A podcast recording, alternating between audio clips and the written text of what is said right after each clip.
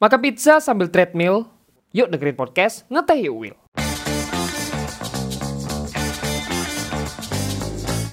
Jangan lupa pakai headphone ya untuk pengalaman yang lebih baik.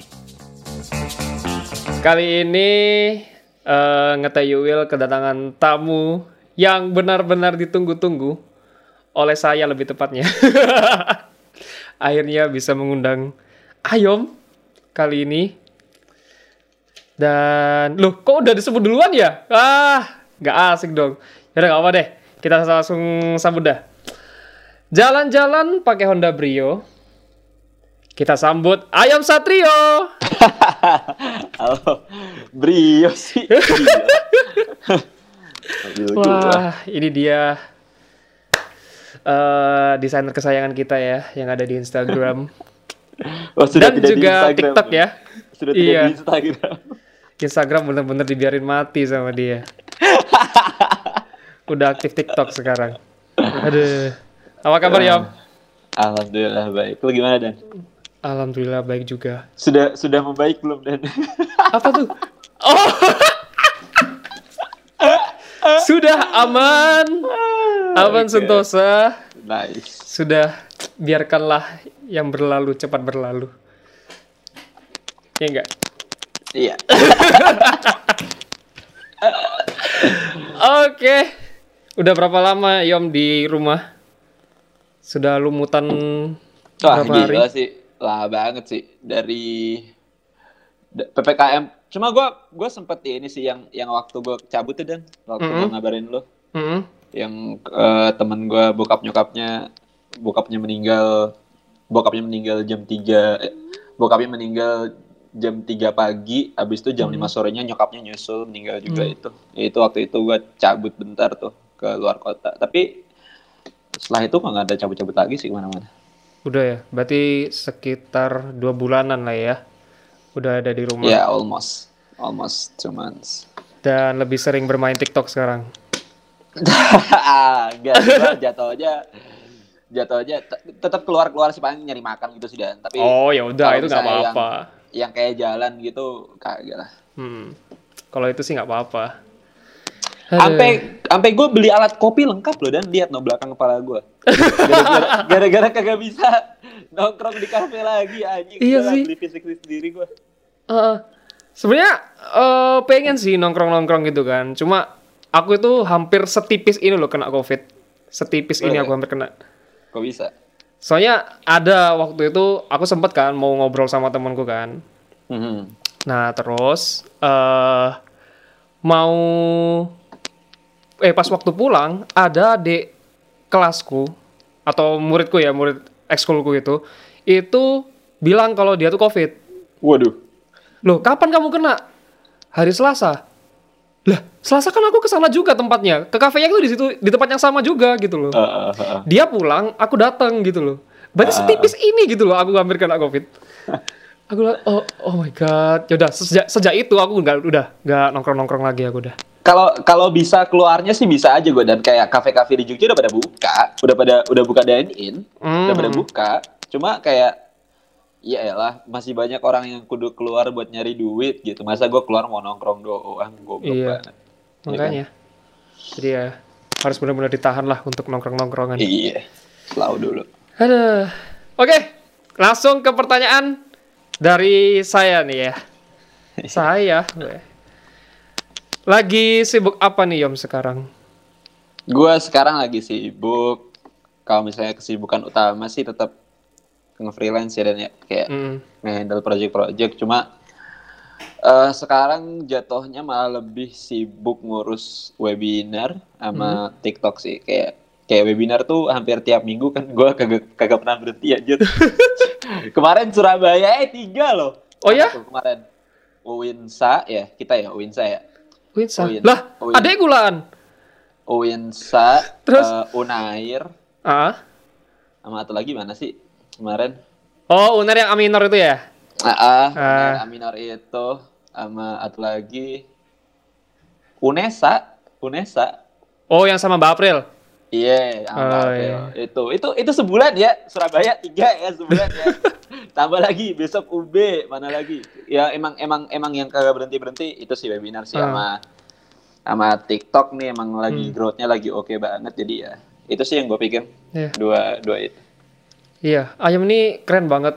Aku kaget. Dia tuh baru main TikTok berapa hari langsung ngeboost itu followersnya. Gila. Aku marah-marah ke dia beneran. gue gue Cepet beli banget. beli Bohong sekali ya. Aduh.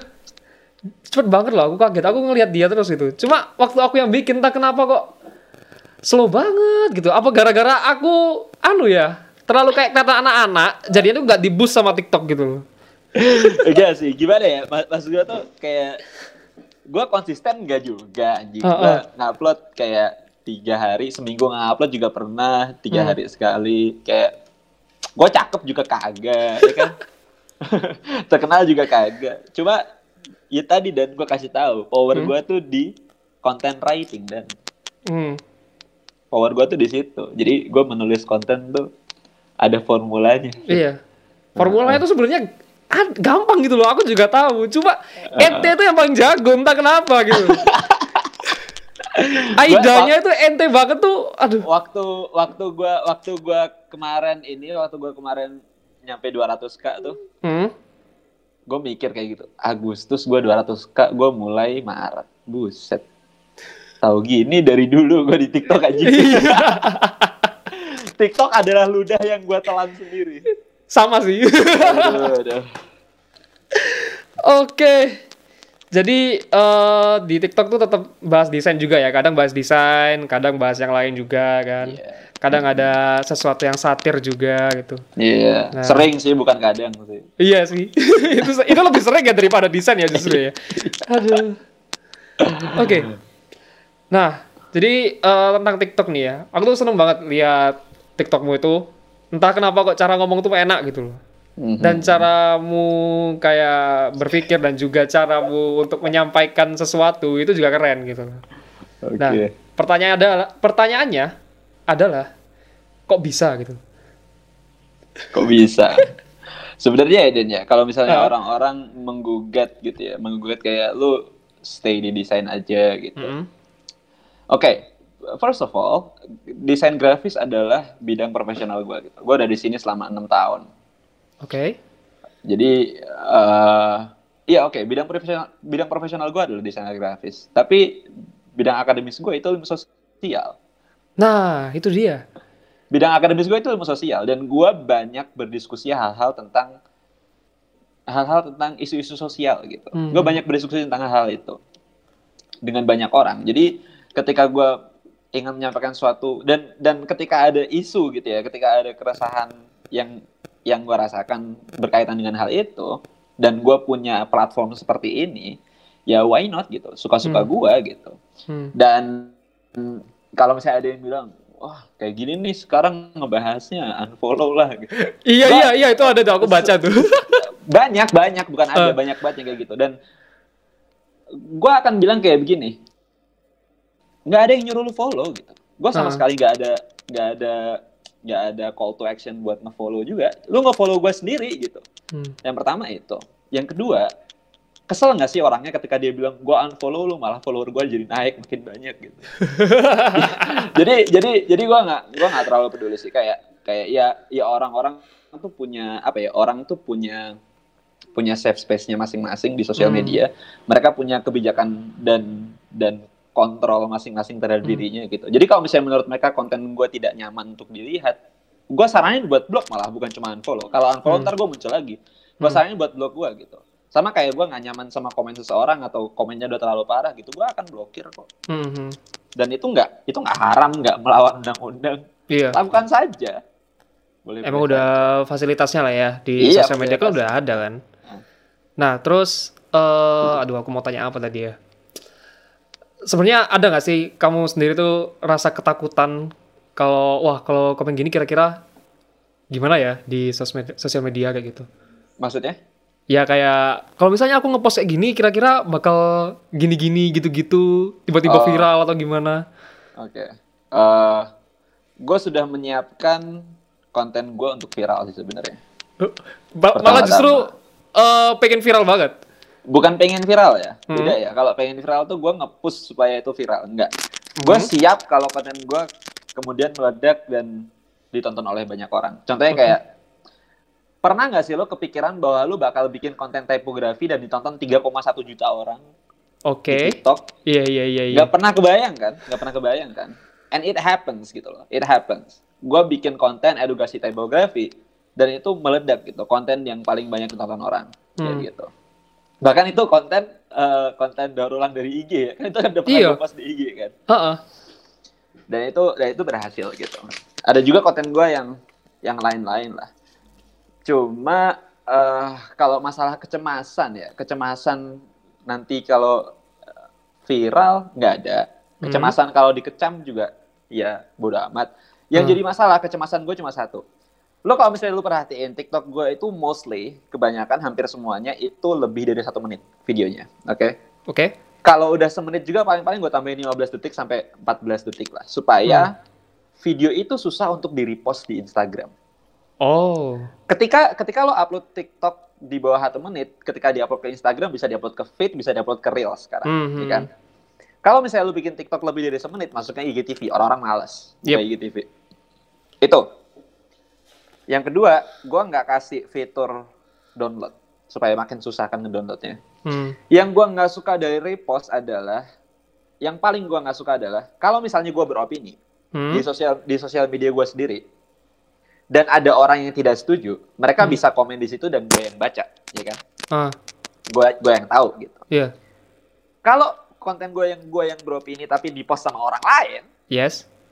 kan jadi beda figurnya. Ah. ah, Dan gue tidak di situ dan bisa jadi orang itu perspektifnya sebenarnya beda sama gue gitu, Ah. ya kan? Dan itu yang yang akan menimbulkan masalah di situ.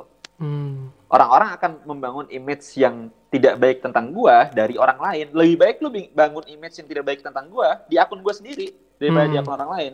Hmm. Dan kekesalan gue yang kedua adalah orang-orang yang nge-repost-repost itu, mereka itu cuma mau exposure. Mereka nggak mau bikin konten. Mereka nggak tahu susahnya kita nulis konten. Ah. Mereka cuma asal ambil aja dan ngerasa ini oke buat exposure mereka. Sampai akhirnya mereka udah punya dapat tra- udah punya traffic gitu, udah Mhm. punya banyak traffic, mereka monetis monetisasi akun mereka sendiri gitu. Kan anjing, lu bikin konten kagak, lu ngeduitin iya gitu. Ya kan? Oh my god, yes. Makanya selama ini tuh di sosmed, semua sosmed tuh nggak ada fitur repost. Fiturnya ya share, ya kan? Hmm. hmm, hmm. Lu pengen nge-share video gua ada fitur share link, ada fitur share DM, silahkan share gitu. Kalau download, enggak lah. Itu sih, kalau misalnya Iya. gua. Wow. Oh my god. Serius sih itu ya bener juga sih. Soalnya apa ya kayak kalau misalnya dia nge-repost dan dengan mungkin followersnya si yang reposter itu bakal berbeda kan perspektifnya dengan followersmu gitu kan. Iya, jelas. Kayak gitu kan. Jelas. Nah itu sempat terjadi juga sama salah satu temenku kayak gitu. Mhm. Jadi dia tuh tentang bisnis, gitu ya. Dia tuh tentang bisnis. Dan ternyata waktu di repost dengan eh, akun lain, yang di mana itu akunnya itu juga bukan tentang bisnis, gitu loh. Tapi kayak Hmm. lebih ke suka menyindir, suka dibikin meme dan lain sebagainya, kayak gitu-gitu. Ya Iya, akun-akun iya. meme lah gitu lah, akun-akun anonim kayak gitu. Perspektifnya jadi beda gitu loh. Iya, karena karena gini, eh sosial media itu bisa semasif ini sebenarnya karena ini gua ini gua ngelakuin research ya. Hmm. Karena perbedaan antara komersil, eh, media komersil kayak TV atau radio gitu ya. Mhm. Mereka tuh komunikasinya satu arah dan. Jadi antara orang yang ngasih berita, antara orang yang ngasih konten sama orang yang dikasih konten itu nggak bisa berkoneksi satu sama lain kan. Kalau di sosial media, gua ngebagiin konten tuh orang-orang yang baca konten gua bisa ngasih feedback gitu loh. Hmm. Komunikasinya dua arah. Hmm. Itulah kenapa tadi lu bilang di repost sama konten yang gak jelas sama di, eh, sama gua yang ngepost misalnya atau teman lo yang ngepost itu beda karena audiens yang tahu gua sudah menilai oke personal brandingnya dia kayak begini gitu. Hmm. Sedangkan akun yang repost bisa jadi personal brandingnya beda Ah, ah, benar. Ya kan dan audiensnya beda segmen pasarnya beda Hmm. itu sih yang bahayanya kalau dari post menurut gua Iya, iya, iya. Jadi kalau menurutmu sendiri nih, kira-kira eh what do you think about TikTok sama IG sekarang? wah kalau TikTok sih gimana ya? Gua nggak bisa berharap banyak dari TikTok juga sebenarnya karena kita belum tahu kan kayak dia belum punya milestone yang jauh sih ya TikTok Mhm. ya. Cuma eh kalau gua ngeliat Instagram sih makin rancu sih Instagram kayak Oke. So, TikTok bahkan punya fitur connect kan. Lo kayak lo dari TikTok mau buka Instagram ya di profil lo bisa langsung gitu atau ke Hmm. YouTube lah bahkan. Dan TikTok tuh punya fiturnya sendiri kayak itu Reels gitu. Kalau misalnya orang-orang ngomong di IG Reels gitu. Ah, ah, ah. Sedangkan kalau misalnya lihat Instagram, Instagram tuh kayak berkompetisi sama semua semua aplikasi nggak sih? Kayak mereka kayak pengen semuanya. IGTV, YouTube ya kan, Hmm. video panjang. Habis itu mereka juga ngambil punya Snapgram tuh, Instagram Story, ya kan? Itu gak sih apa? Habis itu- Latah gak sih? Iya, habis itu mereka ngambil juga eh, apa namanya? market, market juga diambil kan sama mereka. Mereka juga punya Iya, Instagram market benar, kan sekarang benar. lagi, lagi ngembangin itu kan. Habis itu mereka juga eh, ngambil fiturnya TikTok yang reels kayak begitu. Itu sih yang menurut gua kayak eh, ini Instagram ada apa sih? Kayak lu tuh lu kenapa gitu. Cuma cuma cuma ya itu mungkin cara cara mereka taktik mereka sih. Cuma kalau misalnya gue sendiri gue kurang setuju. Kayak mereka tuh nggak punya karakter nggak sih? Mhm. Kayak hilang karakternya. Tapi Yang kalau dulu tuh sebenarnya eh, foto sharing app ya. oh jelas, heeh, dulu kayak Dulu kan. gitu. Jelas Heeh, banget kan. heeh. Dulu tuh Terus- dulu videonya bahkan cuma 15 detik 15 detik ya kalau nggak salah ya. Hmm, eh, yes, 15 detik. Dulu ya, Hmm. awal-awal tuh kayak setahu gue tuh nggak sampai semenit deh videonya. 15 detik kan kok. Heeh. Itulah kenapa nggak ada fitur maju mundur kan di Instagram nonton video kalau nggak ini ya ngulang lagi dari awal gitu. Kan. ah. Nah itu sih yang menurut gua sama eh, gimana ya? Menurut gua Instagram tuh kurang menghargai kreatornya sih. Oh ya? Heeh. kayak lu kalau misalnya lu kalau misalnya lihat TikTok di TikTok tuh ada kayak fitur nyawer gitu kan kalau lagi live. Habis Mhm. itu lu bisa affiliate produk langsung dari TikTok Shop, lu Mhm. bisa affiliate produk langsung di video lu. Itu menurut gua fitur-fitur yang secara tidak langsung menyokong kreator untuk terus bikin konten gitu. Hmm. Sedangkan di Instagram, eh, lu engagementnya susah, engagementnya susah, al- al- algoritmanya susah. Habis itu rancu juga kan masalahnya.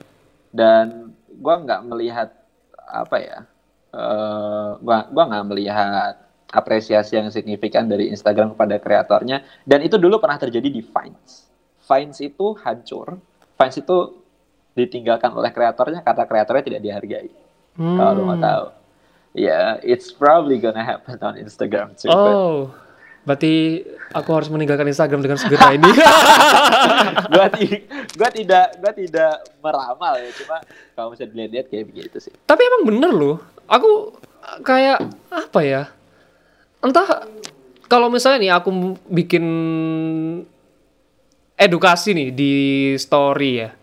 Mm-mm. Cuma iseng-iseng lah atau survei kayak gitu-gitu. Mhm. Itu malah nggak nggak apa namanya? nggak rame gitu loh. Tapi kayak aku itu waktu itu cuma ngasih info tentang gempa di Surabaya. Entah kenapa kok itu bisa rame gitu loh. Mhm. itu ada efek apa yang ngebales juga nggak ngebales itu cuma dikit terus yang geser juga banyak. Apa yang bikin itu rame gitu loh? Apakah di screenshot? Apa ya kayak eh, kalau misalnya lu ngomong kayak begitu ya, sebenarnya ada teorinya sih. Bad news is good news dan. Oh lu tahu oh. lu tahu teori itu nggak sih? oh my god. Lu tahu kayak- teori kok, itu kok kayak eh, jadi teringat akan keviralanku di Twitter ya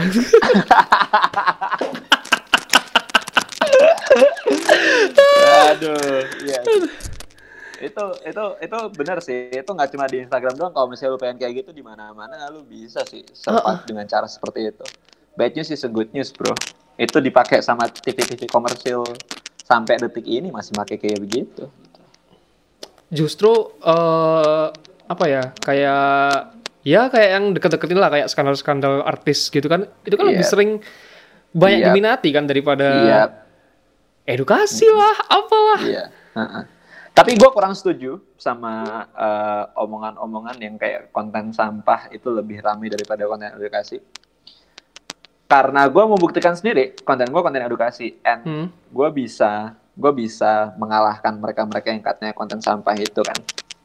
Jadi menurut gue tinggal gimana kita ngedukasinya aja ya kan. Hmm. Kayak kalau misalnya lu bisa mengedukasi dengan cara yang menarik, kalau bisa bisa membuat orang-orang teredukasi tanpa mereka merasa digurui, Hmm. berarti lu bisa gitu. Hmm. Yang jadi masalah tuh orang-orang tuh mengeluh, mengeluh kepada konten-konten sampah yang rame ini.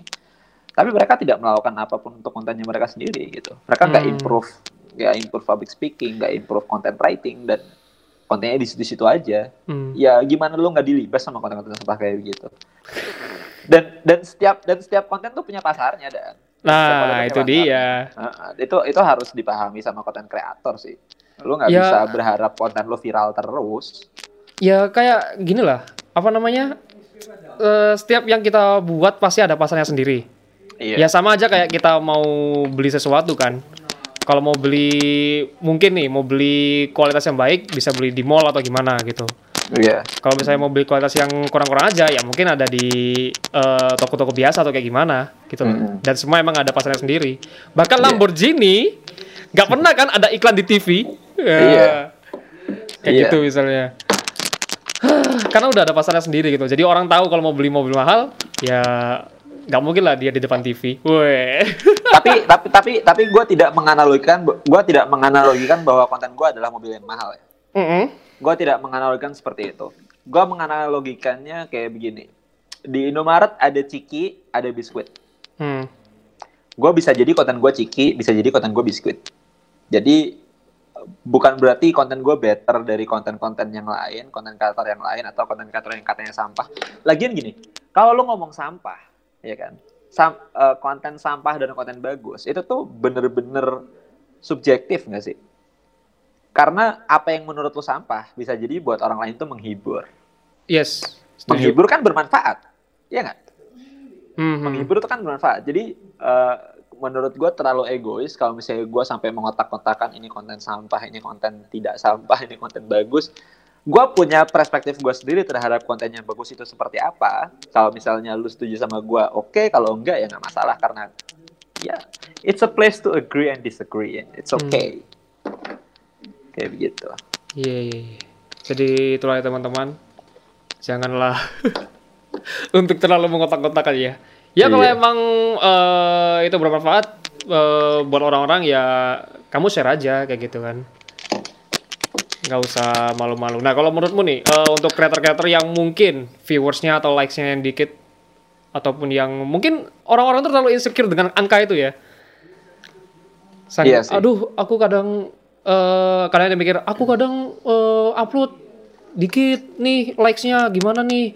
Apa aku berhenti aja ya? Apa orang-orang nggak suka ya? Nah, what do you think about that? Uh, it's actually something that I never really experienced. Gue pernah menghadapi itu sekali sih kayak gini. Lo perlu tahu dulu kuncinya bahwa orang-orang tidak lebih peduli daripada lo sendiri. Kalau misalnya lo ngerasa, ah ntar orang-orang bilang apa, ah ini nggak ada engagementnya, berarti orang-orang bilang nggak suka. Itu semua ada di dalam kepala lo, bukan di dalam kepala orang-orang. Iya nggak? Overthinking ya? Iya. heeh. Dan overthinking itu bagus. Kalau kalau kata psikolog gue dulu, waktu gue masih sering konsul, overthinking itu bagus selama. Jadi gini, ketika lo overthinking itu lo udah masuk stage evaluasi diri, Oh, oke? Lo kan udah mulai evaluasi diri kan, ketika lo Ah. overthinking, ya kan? yes, yes. And it's it's a, it's a good thing. Oh, Tapi really? yang jadi masalah adalah setelah lo masuk evaluasi diri ini, lo akan maju ke action dari evaluasi tadi atau lo akan self blame. Hmm. Ketika lu self blame, itulah yang akan jadi toxic, itulah yang akan jadi overthinking tadi. Tapi ketika lu udah mulai introspeksi, lu mulai menyalahkan diri lu sendiri tentang apa yang terjadi, it's a good thing, oke? Lu lu tidak lu tidak eh, menyalahkan faktor di luar kendali lu, gitu kan? Lu menyalahkan diri lu sendiri yang mengendalikan ini semua gitu. Hmm. Tapi yang jadi masalah nih setelah setelah evaluasi diri ini lu uh, overthinking, lu self blame atau lu uh, melakukan aksi untuk memperbaiki itu gitu. Dan kalau misalnya masalah engagement kecil ya. Sekarang gini, engagement ke ketika lu dapat engagement kecil di video-video lo, lo itu termasuk mayoritas. gitu. Banyak orang yang seperti itu. Banyak orang yang Hmm. mencoba untuk menjadi konten kreator tapi gagal karena mereka merasa seperti itu. Dan itu mayoritas. Tapi perlu ketahui juga bahwa audiens di TikTok itu berapa sih? Audiens yang ada di TikTok Indonesia itu ada berapa sih? Gitu kan. Audiens di Instagram tuh ada berapa sih? Dan konten kreator tuh ada berapa? Hmm. Itu ada banyak banget gitu. Nah, jadi lu lu beneran ngerasa lu nggak punya audiens atau lu belum nentuin audiens lu sendiri gitu. Hmm. Lu kan perlu tahu dulu nih pasarnya kayak gimana. Kira-kira kompetitor riset kompetitor juga perlu loh sebagai konten kreator Hmm. kayak gue waktu konten TikTok itu gue riset kompetitor kayak lu gitu karena Hmm. karena waktu itu kan lu mulai duluan kan lu mulai duluan Iya kan? sih. dan dan gue ngeliat kayak wah oke Wildan nih termasuk kreator kecil nih oke gua gua set target se Wildan dulu next Hmm. Wildan lewat ya kan habis itu gua habis itu gua gua lihat lagi mana yang yang kira-kira eh, yang kira tapi tapi ini bukan berarti bandingin diri gua sama orang lain ya bukan Hmm. berarti bandingin diri kita sama orang lain Hmm. bandingin diri sama orang lain itu bagus ketika yang lu bandingin adalah progres gitu progres ke depan kayak gimana tapi kalau misalnya lu ngebandingin diri lu bandingkan dengan outcome-nya ya salah gitu Hmm. karena lu mulainya aja beda gitu jadi ya eh, gitu sih kalau menurut gua kalau misalnya lu pengen survive. Dan lu nggak bisa berharap konten lu selalu rame atau konten lu Hmm. selalu viral nggak bisa. Karena konten kreator bukan lu doang ya kan? Hmm. apalagi lu tidak atraktif like me. Kok lo, gitu ti- sih? lo tidak iya bener lo, lo lo tidak menarik secara kayak kayak gimana ya? Muka itu tuh cover kan? Muka itu kan eh, bait kan untuk orang-orang ngelihat gitu kan? Istilah kata apalagi lo kayak lo nggak pernah ngevalidasi apa yang lo milikin gitu. Kayak Hmm. gua nggak gua nggak pernah ngasih tahu orang gua bawa mobil apa gua nggak pernah ta- ngasih tahu room tour gua kayak gimana studio gua. Bahkan di gadget buat gua ngedesain gitu gua nggak pernah ngasih tahu. Karena gua ngerasa itu impactnya tidak baik buat audiens gua. Ah. Nah, cuma eh, ya itu. Berarti lo harus punya different personalities yang bisa bikin orang lain tertarik sama lo gitu kalau misalnya gue sendiri saran gua hal yang paling gampang untuk dilatih adalah public speaking Public speaking ya. content writing itu dua hal yang sampai sekarang masih jadi senjata paling Hmm. senjata, senjata gue paling ampuh sih sampai sekarang sih. Aku setuju sih yang public speaking, beneran. Itu Iya. bener-bener ternyata ngomong di depan kamera itu susah loh. Oh, oh. Susah banget. Bahkan Gak usah, gak usah dadan, gak usah dadan. Lu, lu mahasiswa kan? Lu pernah jadi mahasiswa kan? yes. Eh, di kelas lo pernah ada presentasi gitu nggak? Wah, sering. Ya kan? Presentasi ada kan? Dari sekian banyak mahasiswa yang ada di kelas, di kelas lo ya, Iya. lingkup sekecil kelas lo ya, dari sekian banyak mahasiswa yang ada di kelas itu, berapa banyak sih yang bisa jelasin materi? Sisanya paling-paling baca PPT. Iya nggak? Iya. Iya. Bener. Untungnya sih aku udah latihan dari SMA dulu.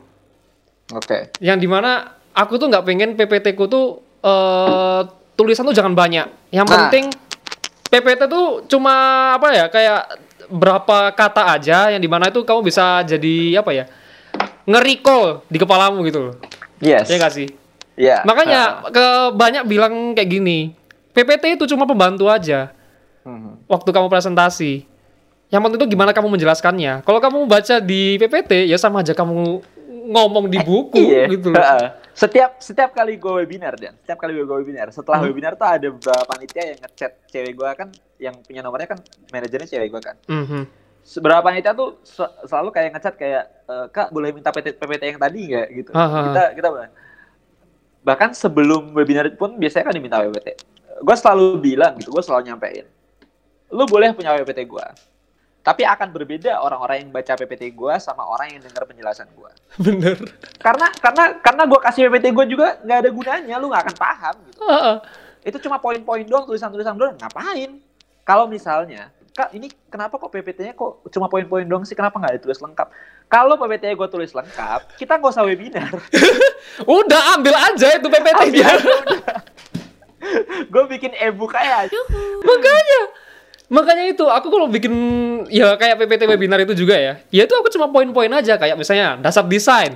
Ya udah, titik, garis, apa, udah itu doang gitu loh. Iya. Gak ada benar. lagi mau mau apa yang kamu pelajari di situ gitu loh. Paling cuma portofolio ku aja di situ udah lihat-lihat aja di sana. Yes, benar. Kayak gitu. Ah, Emang sih emang penting banget lah public speaking itu. Hmm. Sangat penting banget. Nah, ini nih yang aku suka dari Ayam nih. Dia tuh bener-bener kritis kalau misalnya mikir. Dari tadi kita ngomong, kan kok isok sih kayak ngono ya? Perbanyak membaca buku, teman-teman. Oh, baca buku ya. Perbanyak membaca buku. Eh, Gimana ya? Gua gua nggak bisa menyarankan hal lain sih selain itu. Hmm. Perbanyak membaca buku. Gini aja deh, lo ambil satu orang di pojokan yang butuh buku, kacamatanya tebel, diem doang gitu. Lo Hmm. tarik dia ya. Lo ajak diskusi. Gue yakin dia akan jauh lebih memuaskan diskusinya daripada orang-orang yang bacot-bacot doang tapi nggak pernah baca buku. Percaya sama gue. Percaya sama gue. Daripada menerima hoax-hoax di internet Iya. Iya. dan lambe-lambe. Iya. Itu cuma saran gue sih. Ketika lu baca buku, gini loh, yang yang keren dari baca buku ya. Ketika lu Mhm. baca buku, lu baca, ya kan? Lu baca dan lu akan mencoba untuk mengingat hal tersebut. Oh, It- itulah kenapa dalam membaca buku ada ada yang namanya gradual learning. Lu itu belajar dan tidak pernah putus loh, tidak pernah berhenti loh selama buku lu masih kebuka, selama lu masih baca. oh, Luar biasa kan? Yang pertama itu. Yang kedua, lo akan dapat sangat amat banyak kosakata dari baca buku. Kata-kata yang bahkan lo nggak pernah tahu di di dunia ada mungkin ya. Hah? Atau mungkin kalau misalnya udah mulai masuk stage baca-baca buku yang pakai bahasa asing kayak bahasa Inggris gitu. Hmm. Itu akan sangat amat membantu lo buat menguasai banyak kosakata. Hmm. Like seriously. Dan sekarang orang-orang itu jadi makin mudah sebenarnya baca buku. Ya nggak sih? Hmm. Kayak ada e-book, ad- bahkan ada audiobook sekarang. Dulu Hmm. orang orang-orang baca buku, lo nggak bisa baca buku sambil nyupir, ya Hmm. kan? Lo nggak bisa baca buku sambil commuting kayaknya nggak nyaman. Tapi sekarang ada audiobook gitu, lo bisa baca buku sambil masak. Hmm. Sudah semudah itu fitur untuk membaca buku. Jadi menurut gua nggak ada alasan lagi sih. Baca buku. Lo nggak suka belajar buat baca buku. Belajar untuk suka. Hmm. Itu akan sangat anggap aja amat kayak sehari dua halaman dulu aja kan. ah sehari dua halaman tuh udah cukup lah sehari dua Ah. halaman. Dan menurut dan menurut gue ya ketika lo udah terbiasa sehari dua halaman, nggak usah nunggu seminggu dah tiga hari aja lo biasain sehari dua halaman. Hah? Lo akan lo Ketagihan. akan penasaran. Lo akan penasaran sama akhir dari bab itu. Percaya, Ah. percaya sama gue. ketika gue sendiri kayak nggak bisa berhenti gue ketika udah "Ah, ntar dulu deh. Ini jangan berhenti dulu nih. Ini jangan Hmm. berhenti dulu. Tutup, sholat bentar apa gimana. Tapi abis itu lanjut lagi. Kayak Hmm. ada ketertarikan sendiri. Kayak lu baca komik kayak susah kan berhenti kalau misalnya belum tahu nih ntar klimaksnya kayak gimana. Oh, banget. Iya kan? Ah, Ya usahakan aplikasinya itu pada buku gitu. Pada Ah. buku yang lo baca. Kayak begitu. Oh god, baca buku ya. Buku tuh banyak yom. Cuma banyak nggak tak baca. Aduh. Oke, itulah ya tips dari Ayom untuk membaca buku. Jadi buku-buku teman-teman yang mungkin dari perpus tapi belum dikembalikan, monggo itu dibaca lagi. Oke, ini ada lagi nih. Nah, itu tadi ya. Tadi tuh ada yang kamu sebutin eh, bodoh amat. Ini sama kayak judul. Nah, Ente tuh jago banget Nah. bodoh amat juga. Selain critical thinking. bodoh amat mulu kayak ya udah, ya udah gitu loh. Dengerin abis itu udah lupakan kayak gitu loh. iya. Nah, eh mungkin di waktu apa sih kamu tuh eh eh menurut kamu ya, menurut kamu ya. eh, Hmm. di waktu apa bodoh amat tuh harus dilakukan? Sebenarnya bodo amat tuh punya banyak impact. Gue selalu eh gue selalu kasih suggestion buat orang-orang yang bikin konten, Hmm. Orang-orang orang yang mencoba untuk bikin konten di internet, post dan lupakan. Oke. Oke. Supaya lu supaya pertama itu sangat amat sehat untuk kesehatan mental lu sendiri. Bahkan gue pernah se ekstrim gue nggak membaca kolom komentar lagi gitu. Hmm. ya kan? Karena itu sehat untuk kesehatan mental lo. Percaya sama gue.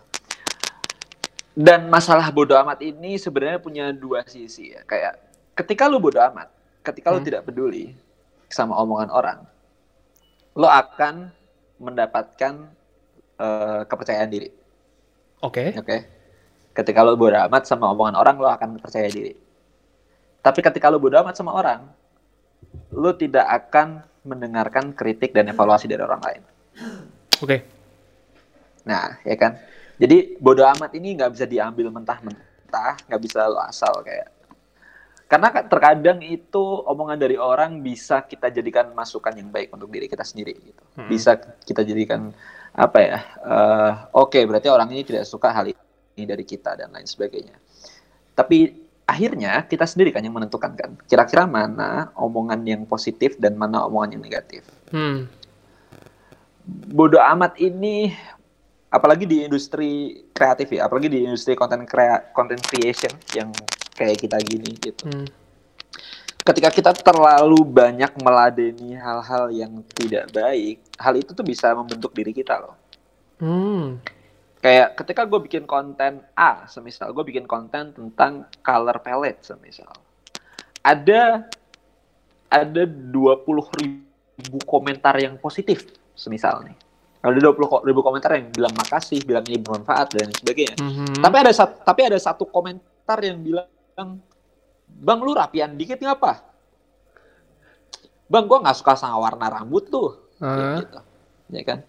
Itu kan pasti sesuatu yang sangat amat jadi spotlight dari kita kan. Walaupun Hmm. ada banyak komen yang mendukung gitu. Mhm. Ada banyak komen yang positif, tapi ada satu komen yang kayak begitu yang kayak kita tuh jadi fokus ke situ. And it's not good. Kalau misalnya lu masuk akal, kalau misalnya lu eh, rasional gitu ya, lo akan lebih peduli sama orang-orang yang mendukung kan daripada orang-orang yang nggak mendukung gitu, Hmm. daripada orang-orang yang ngasih komentar negatif. Tapi untuk membentuk eh, untuk membentuk kepribadian yang seperti itu memang sulit, memang tidak mudah. Jadi menurut gua progres yang paling gampang untuk melakukan itu adalah ringan-ringanlah tangan untuk ngeblokir orang. Sama kayak tadi gua omongin. Udah santai aja. Lu kalau misalnya lihat list, ntar gua kasih tahu dah list blokir TikTok gua kayak gimana. apalagi orang, apalagi orang yang ngomong, apalagi orang yang ngomong eh, komentar negatif kayak begitu dan akunnya anonim gitu. Hmm. Itu yang gue kurang suka. Akun anonim dulu itu adalah safe space-nya orang-orang yang emang tidak mau diketahui lah di sosial media gitu ya. Tapi sekarang tuh jadi tempat orang-orang nge-troll yang nggak mau tanggung jawab kan akun-akun Yap. anonim tuh sekarang. Bener banget. Dan dan tidak ada dan tidak ada apa ya dan tidak ada solusi untuk hal itu kecuali lu blokir gitu. Jadi ya daripada gue terlalu pusing mikirin hal-hal yang tidak perlu gue pikirkan, lebih baik gue blokir. Gue gua gimana ya? Gue punya kontrol atas sesuatu yang bisa gue kontrol dan hal Mhm. itu adalah ngebatasin orang-orang tadi, ya kan? Hmm. Gue harus ngebatasin orang tadi. Ya gue blokir, gampang aja. Kayak begitu. Oke. Jadi masalah bodoh amat ini ya gimana caranya lu mendapatkan kehormatan diri lu sendiri dari diri lu sendiri ya kan. Hmm. Lu menghargai diri lu sendiri dengan sesuatu yang positif dan ngebodoh amatin sesuatu yang negatif kayak gitu. Oke. Emang sih, eh, aku setuju juga yang kamu bilang tadi kayak eh gak usah ditanggepi lah anggapannya. Iya. Kayak yang Iya. negatif atau yang lainnya. Itu sama juga yang terjadi dengan aku yang poster itu, ya.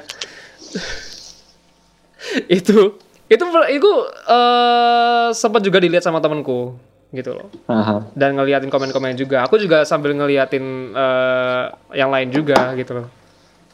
Ternyata emang udah kalau misalnya gitu jangan ditanggepin. Kalau ditanggepin jadi tambah masalah.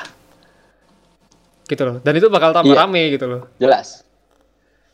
Ya jadilah eh, kalau memang itu eh, nggak sehat untuk ditanggepin, ya udah jangan ditanggepin. Udah itu aja. Jangan. Udah. Dan efek keviralan Dan- itu emang eh, anu nggak sih? Bakal ada waktunya sendiri nggak sih? Iya sih. Eh, ada ada momen gimana ya? ada momen di mana lo akan makanya gue gue sebenarnya kurang setuju sama omongan quality over quantity ya. Hmm. Karena dengan quantity lo akan tahu quality itu seperti apa. Yes. Iya nggak? nih Bener. ketika lu ketika lu ngepost misalnya lu ngepost dua hari sekali ya kan ada konten yang sepi ada konten yang rame ada ada, konten yang sepi sepi sepi rame sepi sepi Hmm. sepi oh yang rame yang kayak begini ternyata Mhm. Lo kan jadi tahu nih orang-orang ternyata lebih tertarik sama yang kayak begini formulanya kayak begini dan itu lo ulangin lagi. Kira-kira berhasil nggak? Oh sepi lagi. Oke berarti ulangin lagi. Itu sebenarnya sebenarnya yang yang mem- membangun quality itu seperti itu. Hmm. ya kan? Ya sama juga sih waktu aku bikin Instagram itu, yang Instagram carousel itu, tutorial-tutorial. Nah itu emang aku eh, niatin banget sehari itu, eh, sehari itu setidaknya ada satu post, meskipun sekarang udah jarang ya, karena algoritmanya yang hmm mentolo. Nah itu tuh eh, juga memang kerasa gitu loh. Oh ternyata orang-orang suka yang kayak gini. Oh ternyata orang-orang eh, suka yang begitu. Dan emang eh, dari quantity juga lama-lama apa yang aku buat itu eh, bisa diperbaiki. Apa sih yang harus diperbaiki dan lain sebagainya. hmm, iya Itu juga sih. jelas Oke itu aja. Bodoh amat dari Ayom. Semoga tercerahkan teman-teman semua. Sekarang kita akan membacakan respon-respon dari question box Ayom dan juga saya. yang tidak banyak Aku nggak ada yang tanya loh sama sekali beneran. Saking jahatnya Instagram ke aku sekarang. Nih, eh apa ya? Gimana caranya nggak insecure sama hasil desain sendiri? Gimana caranya nggak insecure sama hasil desain sendiri Yes. Gi- ini sebenarnya kurang spesifik ya lu insecure ke siapa gitu desain ke klien apa desain yang mau lu upload ke sosmed Oh, ya nggak sih ya. kalau misalnya desain yang mau lo upload ke sosmed, gua gua apa ya? Gua akan menyarankan hmm, gua akan menyarankan yang pertama lo harus lapang hati ketika ngupload apa pun ke sosmed, Hmm. ya kan? Apalagi desain yang menurut lo udah oke gitu. Ketika lo upload ke sosmed dan lapang hati, lo akan mendapat komentar-komentar yang membangun. Percaya sama gue. Komentar-komentar yang menurut lo negatif, itu sebenarnya bisa buat membangun. Contoh, lo bikin ilustrasi, lo bikin flat illustration tentang Gajah Mada, atau flat illustration tentang 17-an gitu. Ada orang yang ngomen warnanya kurang cocok, dan lain sebagainya. Coba lo jadikan itu sebagai introspeksi. Ya kan? Itu hal yang bisa ngecover insecure lu menjadi sesuatu yang positif. Hmm. Nah, selanjutnya kita balik ke omong kita tadi ya. Insecure itu diciptakan oleh kepala lu sendiri. Yang bisa menghapuskan insecure itu ya diri lu sendiri. Iya nggak? Hmm. Ketika dulu gua ngupload eh, karya gua, ngupload portofolio gua misal ke sosmed, ya gua nggak pede-pede amat sebenarnya. Gue nggak pede-pede amat karena belum ada validasi kan bahwa gue sebagai desainer lah dan lain sebagainya. Tapi lambat laun setelah setelah sekian ratus post, kok jatuhnya malah gue butuh ngepost nih supaya gue perlu tahu nih orang-orang kira-kira baiknya kayak gimana gitu. Iya kan? Oke. Jadi jadi insecure itu ada dalam dalam diri lo dan yang, yang bisa ngapusin diri lo sendiri. Jadi tanyain dulu ke diri lo sendiri. Apa yang buat lo insecure pertama-tama? Apakah karena orang-orang desainnya lebih bagus dari lo? Kalau iya, ya memang benar. Orang-orang desainnya jauh lebih bagus daripada lo dan orang-orang yang desainnya jauh lebih jelek juga banyak gitu. Hmm. Jadi cara lo adalah oke, lo harus bersyukur dulu bahwa desain lo lebih bagus daripada orang-orang yang desainnya lebih jelek. Hmm. Habis itu lo introspek- introspeksi dan evaluasi gimana caranya desain lo bisa sebagus mereka. Nah, Sesimpel itu kan proses tuh. Ya ilmu desain grafis solving problem, define the problem, find the solution. Gitu. Lo nggak akan tahu, lo nggak akan tahu proses yang udah dialamin ilustrator A atau eh, desainer A untuk mencapai hal yang seperti itu. Lo nggak akan pernah tahu. Lo akan lihat outcome-nya doang. Nih hasil desainnya kayak begini kan. Tapi lo nggak akan pernah tahu nih prosesnya dia sampai kayak begitu tuh gimana. Coba tanyain ke si Kuku. Tanyain ke Kuku, eh desain lo yang dulu kayak gimana yang pertama kali? Coba. Pasti ancur-ancur. perasaan pernah deh. Perasaan pernah deh dia nunjukin kalau nggak salah. Iya kan? Makanya. Gue kalau misalnya gue tunjukin logo gue yang dulu pertama kali gue bikin juga lo muta-muta ngeliatnya. Kayak begitu. Iya iya iya iya. Ya, ya balik lagi lah. Itu memang semua tuh butuh proses kan. Nah, eh. Ya itu itu lagi sih. eh aku lebih suka eh, quantity over quality. Hmm. Ya itu aku aku lebih suka itu. Karena kalau misalnya qua- quality yang diutamain, eh ini bagus gak ya? Ini bagus gak ya? Hmm, dipikir terus sampai sebulan gitu baru upload. Takutnya Iya. begitu. Iya. Nah itu ya sih yang takutnya kalau misalnya quantity itu kalau menurutku. Ya jadi itulah cara ya. Cara mengonter cara mengonter quality over quantity itu gampang sebenarnya. Dan. Gimana tuh? Done is better than perfect. Iya nggak? Eh, anu ya, eh, seperti klien ya. Yang penting kelar. Yang penting gue berhasil bikin ini. Masalah Eh. bagus apa enggaknya, ntar masih ada revisi 1, 2, 3, 9, 9. Santai. Yang penting kelar dulu. Iya iya iya iya. Kadang eh juga kepikiran orang-orang takutnya gini nih, ada yang perfeksionis banget nih, seorang desainer perfeksionis banget. Wah, ini kok kurang anu banget ya, kurang kiri dikit, kurang kanan dikit. Wah. Repot dah. Desainer harus perfeksionis. Desainer harus perfeksionis memang. Itu itu ada ilmunya. Desainer memang harus perfeksionis. Tapi nothing is perfect gitu. Slow Hmm. aja. Pokoknya kalau memang udah ngerasa oke deh, cobalah dikasih dulu. Selesain dulu, biar orang mungkin Iya. biar eh, teman ataupun klien yang ngelihat eh, ngerasa ada yang kurang, ya udah kita revisiin aja gitu loh. Iya. Dan lo nggak akan pernah bisa perfect. Kalau misalnya lo pengen perfect jadi Tuhan.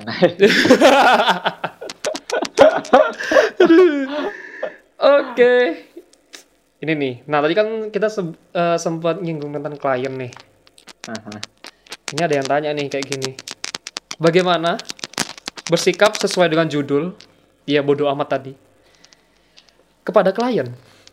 oh ya tidak bisa dong. Ngawur, gua. Tidak bisa. ngawur, ngawur. Klien itu yang ngasih kamu uang, nah. bersikap bersikap bodo amat kalau tugas lu udah kelar, kalau invoice udah turun, kalau pokoknya kewajiban lu udah kelar ya lu bodo amat nggak apa-apa. Tapi tapi jangan ya kalau sama klien kayak begitu ya. Iya. Jaga koneksi dengan baik. Mungkin kalau udah aduh, bingung nih, kayak gimana lagi? Terus bodo amat. Langsung dikirim gitu. Ada. Bo- oh, bodo amat makanya bisa nih Dan, bisa diaplikasikan Dan. Gimana tuh? Kan kita sebagai desainer pasti lebih tahu daripada klien kan. Ya kan? Yes. Contohnya ada yang pengen logo makanan, eh, packaging makanan tapi pakai warna biru gitu. Hmm. Kita udah kasih tahu nih, Bu, warna biru itu nggak cocok loh Bu, buat kuliner, Bu. Hmm. Kita udah kasih tahu nih. Hmm. Saya kasih opsi warna kuning, merah, sama hijau nih, Bu. Milih yang Hmm. mana gitu. Tapi dia ngotot, sayanya pengennya warna biru gitu. Hmm. Kalau misalnya udah sampai tahap ngotot dan lu udah ngasih solusi, Hmm. kerjakan. Gitu ya. Kerjakan. Karena Berarti sama karena- dong, kayak sama-sama sama kayak Mas Kuku juga kayak gitu. Iya, karena in the end it's their money, Heeh. uang mereka kok, ya kan? Kalau terjadi sesuatu juga rugi di mereka gitu. Cuma ya mungkin lu nggak bisa masukin portofolio lo gitu. Hmm. Tapi ya uang-uang mereka kok. Kalau misalnya lu udah ngarahin yang bener kayak gimana, bikinin aja kemauan dia kayak gimana. Atau atau kalau misalnya lu masih punya banyak waktu dan lu masih punya banyak revisi gitu, lu kasih aja dua opsi gitu. Kayak ini opsi dari gua, ini opsi dari lu. Silahkan nilai sendiri. Hmm. Iya iya iya iya iya. Tapi kalau misalnya udah keadaannya kayak gitu tuh, itu tetap kamu jadiin portofolio atau gimana? Kalau misalnya kalian kayak begitu, enggak lah. Enggak. Enggak ya? Karena gini, portofolio itu kan reputasi kita, Hmm. ya kan? Jangan kalau misalnya menurut lu sesuatu itu nggak perfect, nggak bagus, Hmm. ya jangan jadiin portofolio, jangan dipaksa. Oke. Oke oke. Itu ya dari Babang Ayom. Silakan dipikirkan lagi atas bodoh amatnya ya. Bagi yang bertanya. Oke. Nah, ini ada beberapa cerita-cerita nih. Itu tadi kan eh, tentang bodoh amat Iya. yang sudah disebutkan. Nah, ini ada cerita yang aku dapat dari responku. Aha. Nah, dia tuh eh, sempat ngerasa kayak ada overthinking dan lain sebagainya. Yang berujung dia jadi, aduh gimana ya kayak gini. Jadi apa yang dia sudah lakukan, dia tuh tetap pikirin kayak gitu. Hmm. Nah, menurutmu kan tadi kan overthinking kan baik. Nah ini ada beberapa cerita nih. Silakan tanggapanmu kayak gimana. Oke. Eh apa ya? Ini ada yang cukup ngeri. Dia tuh overthinking kayak gini. Gimana? Ntar udah mati duluan sebelum cita-cita itu tercapai. Itu overthinkingnya itu. Iya, overthinkingnya itu. Wah. Itu overthinking semua orang ya sebenarnya. Iya makanya. Gak ada nggak ada manusia di muka bumi ini yang sek- yang yang ngerasa secure gitu. Semuanya insecure. Hmm. Insecure in- paling besar ya harusnya insecure terhadap mati. Saran dari gua. Kita semua pasti punya cita-cita. Tapi itu tuh hal yang sebenarnya terbentuk dari masa kecil kita ya, cara parenting, cara guru kita ngajarin apa cita-cita kalian, jadi A, Hmm. jadi B gitu. Cuma jarang banget yang ngasih tahu ini. Untuk mencapai cita-cita tersebut akan ada batu, akan ada jurang, akan ada api, akan ada nggak ada yang ngasih tahu itu. Mhm. Yang mereka kasih tahu adalah make a wish without uh, solving any problem. Make a wish gitu. Itu sebenarnya salah.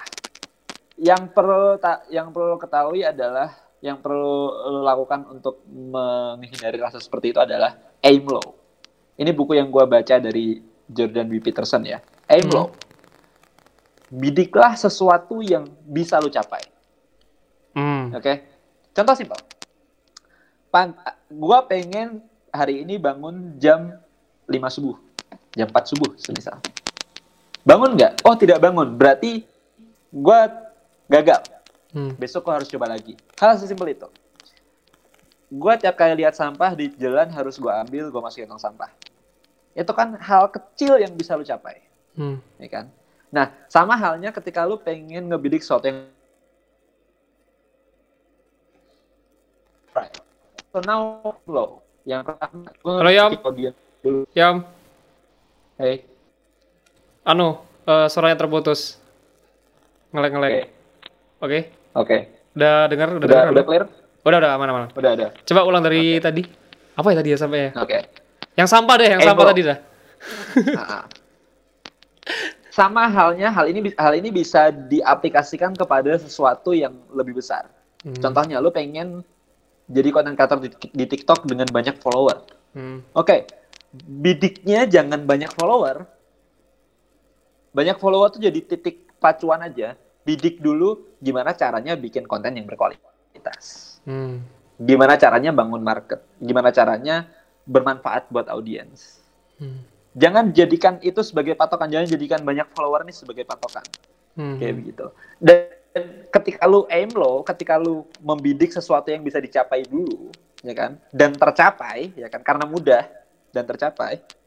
Dan lu mati, lu gak akan nyesel selamat. Karena hal yang lu bidik sudah tercapai dan Hmm. hal itu mudah. Gitu loh. Jadi eh, gua nggak gua nggak mencoba untuk bikin lu pesimis dengan dah gak usah bermimpi tinggi-tinggi. Bermimpilah setinggi mungkin, tapi jadilah orang yang realistis Hmm. ketahuilah bahwa hal itu tidak mudah kayak Hmm. gitu. Jadi bidik aja dulu hal-hal yang bisa lo lakukan sekarang bermanfaat untuk orang atau enggak, baru lakukan suatu hal yang besar kayak begitu. Oke. Jadi sebelum kita mencapai yang sesuatu yang tinggi itu, kita harus mulai dari yang kecil-kecil dulu. Nah, iya, jelas. Sama, eh, berarti bisa dianalogikan kayak gini. Kalau kita dari Surabaya ke mau ke Jakarta, ya kita sampai dulu ke kota-kota kecil yang sebelum nyampe Iya. Jakarta itu, Iya, iya kan? iya. Iya, iya, iya. Jadi itulah ya.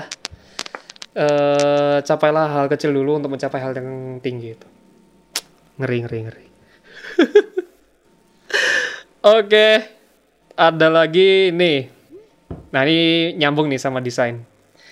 Gimana caranya ngembangin karir desain di daerah yang kebutuhan tersiernya masih nggak dibutuhkan banget. Mhm.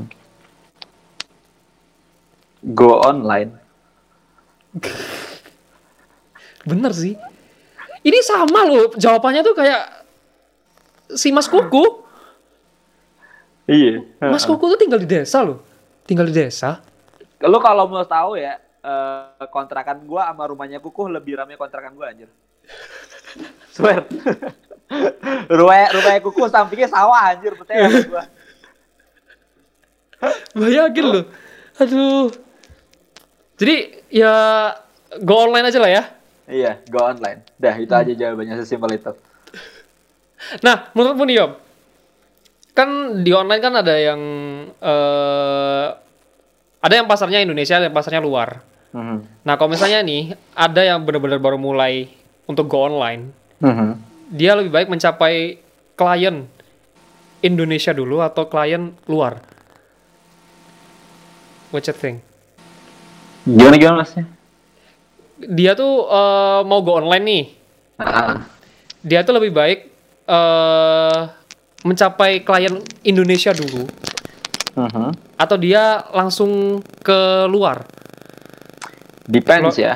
Hmm. Kalau kalau gue dulu karir freelancing gue dulu malah mulai dari luar dulu dan Hmm. cuma ya, lu bisa bahasa Inggris kan yang pertama Hmm.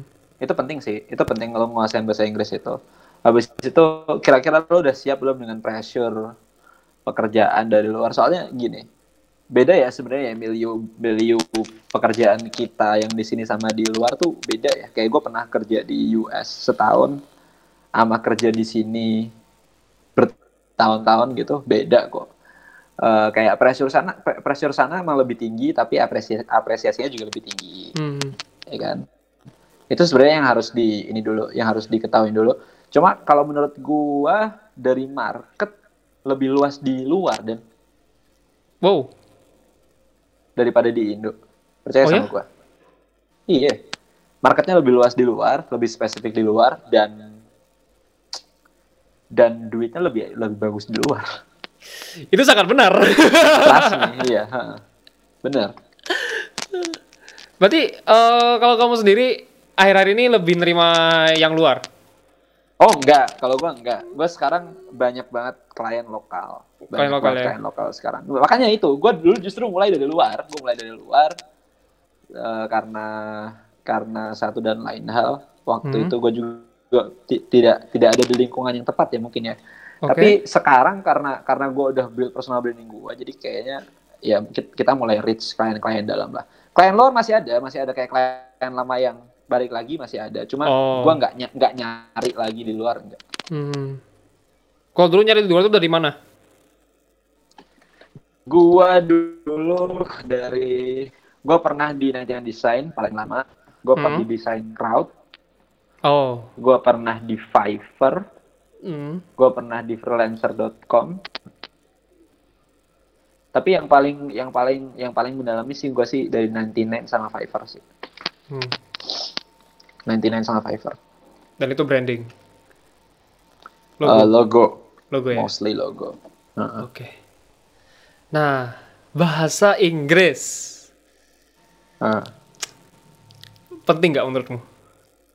Wah, itu nggak perlu dipertanyakan lagi ya bahasa Inggris ya, buset. Kayak gue menyesal juga gitu. Dulu tuh gue sekolah di sekolah yang istilah bilingual ya, di mana kita sering make conversation with English, tapi Di mana di mana? tidak memanfaatkan Tadi itu. anu gitu. tadi anu apa? Putus-putus. Di mana tadi? gue gue dulu sekolah di tempat yang menerapkan bahasa Inggris gitu loh Oh. di percakapan sehari-hari. Nah, tapi tapi gue tidak memanfaatkan itu. Eh, dan setelah lulus baru kerasa nih goblok banget gue ya. Setelah lulus baru kerasa sampai akhirnya dulu waktu gue kerja di US, itulah kenapa bahas- bahasa Inggris gue rancu ya, karena gue Hmm. belajar dari, dari native speaker gitu. Gue belajar dari mereka ngobrol langsung dan ya mereka juga ngomongnya kayak begini ini. Jadi ya gue ngikutnya akan lebih bagus kalau misalnya lu punya kesempatan buat belajar bareng mentor orang-orang yang benar-benar paham bahasa Inggris gitu ya Hmm. kayak kayak mungkin kemarin tuh ada Mas Abdul ya kemarin ya Mas Abdul Iya. kampung kampung Inggris dia itu kalau misalnya lu pengen lihat kontennya masih ada tuh buat pahala beliau ditonton lagi Hmm. aja kontennya banyak banget itu orang luar biasa dan banyak banget mentor-mentor online di internet dan kalau misalnya lu bilang belajar bahasa Inggris susah di zaman sekarang sih aneh sih saya udah akses Nggak buat belajar bahasa banget. Inggris sudah Udah gampang iya. banget. Di YouTube aja aku belajar Rusia. Gua, gitu. gua tuh kalau misalnya udah kelas native bahasa Inggris lah ya. Ah, Gua yang yang masih nyoba-nyoba mulai ngebenerin lagi bahasa Arab nih. Gua bahasa Arab. Gua dulu pernah belajar juga soalnya, tapi Eh. belum sampai level yang bisa ngobrol banget. Tapi gua paham bahasa Arab.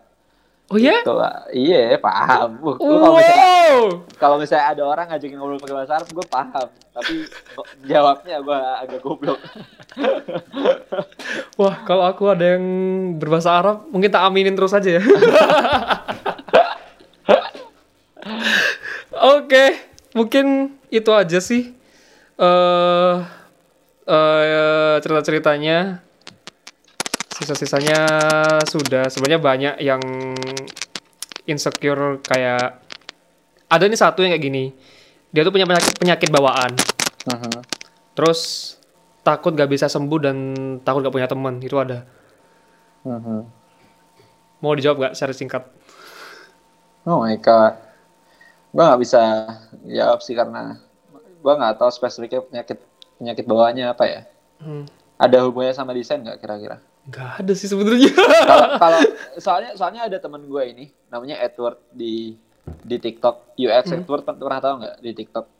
Itu dia orang user experience ya dan dia buta warna loh. oh. Oh iya? Gila nggak? Dia buta warna loh. Terus? Dan dia jadi desainer. User experience designer, user interface designer. Padahal juga UX itu berhubungan banget sama warna. Berhubungan banget sama warna. Cuma dia bilang sendiri ke gua, banyak hal selain warna di user experience sama user interface kayak kontras, balance, habis itu white space dan lain sebagainya. Selain warna tuh masih banyak typography kayak gitu. Hmm. Dan gue menguasai itu kok gitu, dia bilang. Dan gue suka sama confidence itu sih.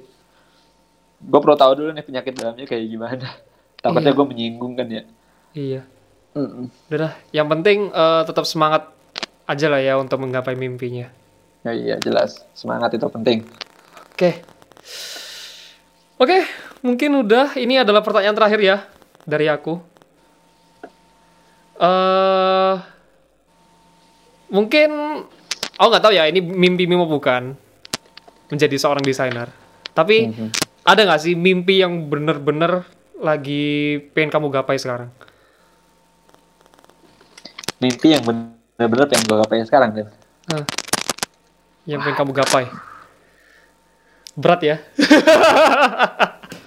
Ya itu sih karena gue nggak pernah ngeset mimpi jauh-jauh sih. Tapi kalau misalnya mimpi gue paling gede sekarang ya, merit sih. Oh! Belum lo. Oh, oh. Lama. Itu- Nyonya, itu, kalau itu yang- Anda mendengar, itu yang masih masih gue set eh, duit prepare dan lain sebagainya masih gue pikirin. Tapi kalau kapannya gue juga belum ngerti. ya semoga disegerakan ya. Biar rezekinya juga dilancarkan sehingga bisa segera. Iya. Paling lu duluan. Amin. Apa? Paling lu duluan. Oh, kata siapa? Yang ada ditinggal duluan. Aduh. Ya, jadi itulah pertanyaan penutup dari podcast kali ini. Terima kasih Ayom Makasih, sudah makasih juga. Don. join di Ngeteh Yuk Will. Semoga ente sehat selalu bersama Nyonya. juga. eh, eh. Ya, semoga lancar juga untuk project-project lainnya.